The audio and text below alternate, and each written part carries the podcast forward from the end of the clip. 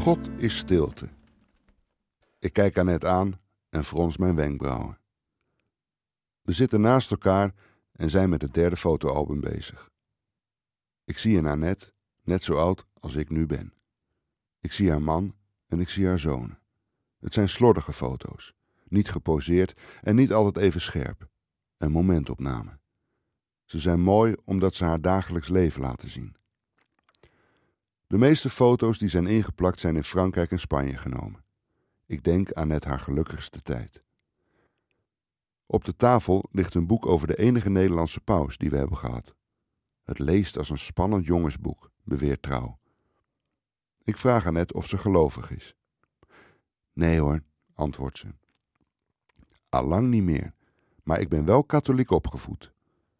Ik kijk naar een foto van het graf van haar man. Een zwarte steen met zijn gouden naam erop. God is stilte, zegt Annette. Ik zeg haar dat ik daar even op moet broeden. In mijn vak heb je soms te maken met regieaanwijzingen, aangebracht door de auteur zelf. Ze hanteren de emoties blij of verdrietig voor bijvoorbeeld een monoloog en ze schakelen tussen een pauze en een stilte tijdens een dialoog. Soms zelfs een korte stilte of korte pauze. Op de toneelschool hebben wij het hier uitgebreid over gehad. Wat is het verschil? Een pauze houdt meestal in dat er een rustmoment is van een paar seconden. We horen de voorafgaande tekst echoen in de voorgeschreven pauze. Stilte is van een andere orde. Dat is pauze in veelvoud. Diepe pauze. Geen gehoor. Niks. Stilte heeft iets onbereikbaars. Het ontdoet zich van de tijd. Als een pauze de lichtheid heeft van een operette, dan heeft stilte de zwaarte van een opera. De podiumkunst is de afspiegeling van ons leven. De kijker begrijpt deze rustmomenten. Ze worden op waarde geschat.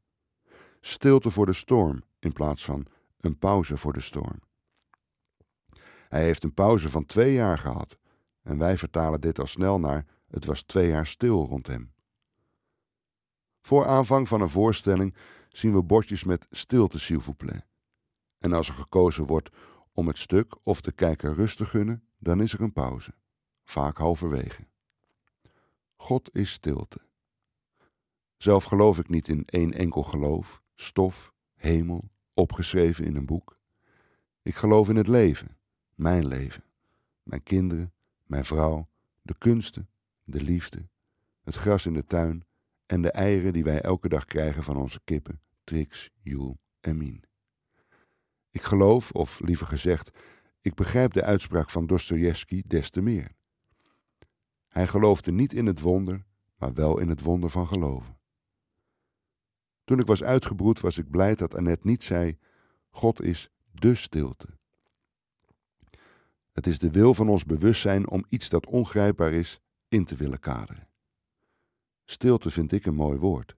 En God is stilte vind ik een tedere omschrijving voor iets dat je niet kan vatten, maar altijd om je heen is.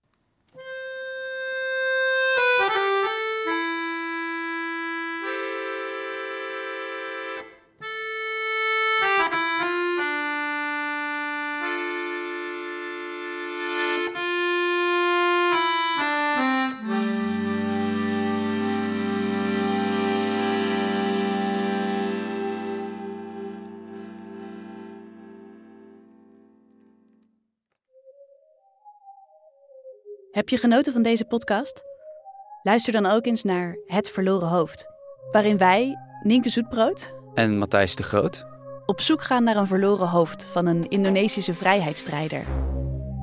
Al snel raken we verstrikt in een wereld van lichaamsdelen, prinsessen en twijfelachtige spelregels. Je vindt Het Verloren Hoofd in je favoriete podcast-app.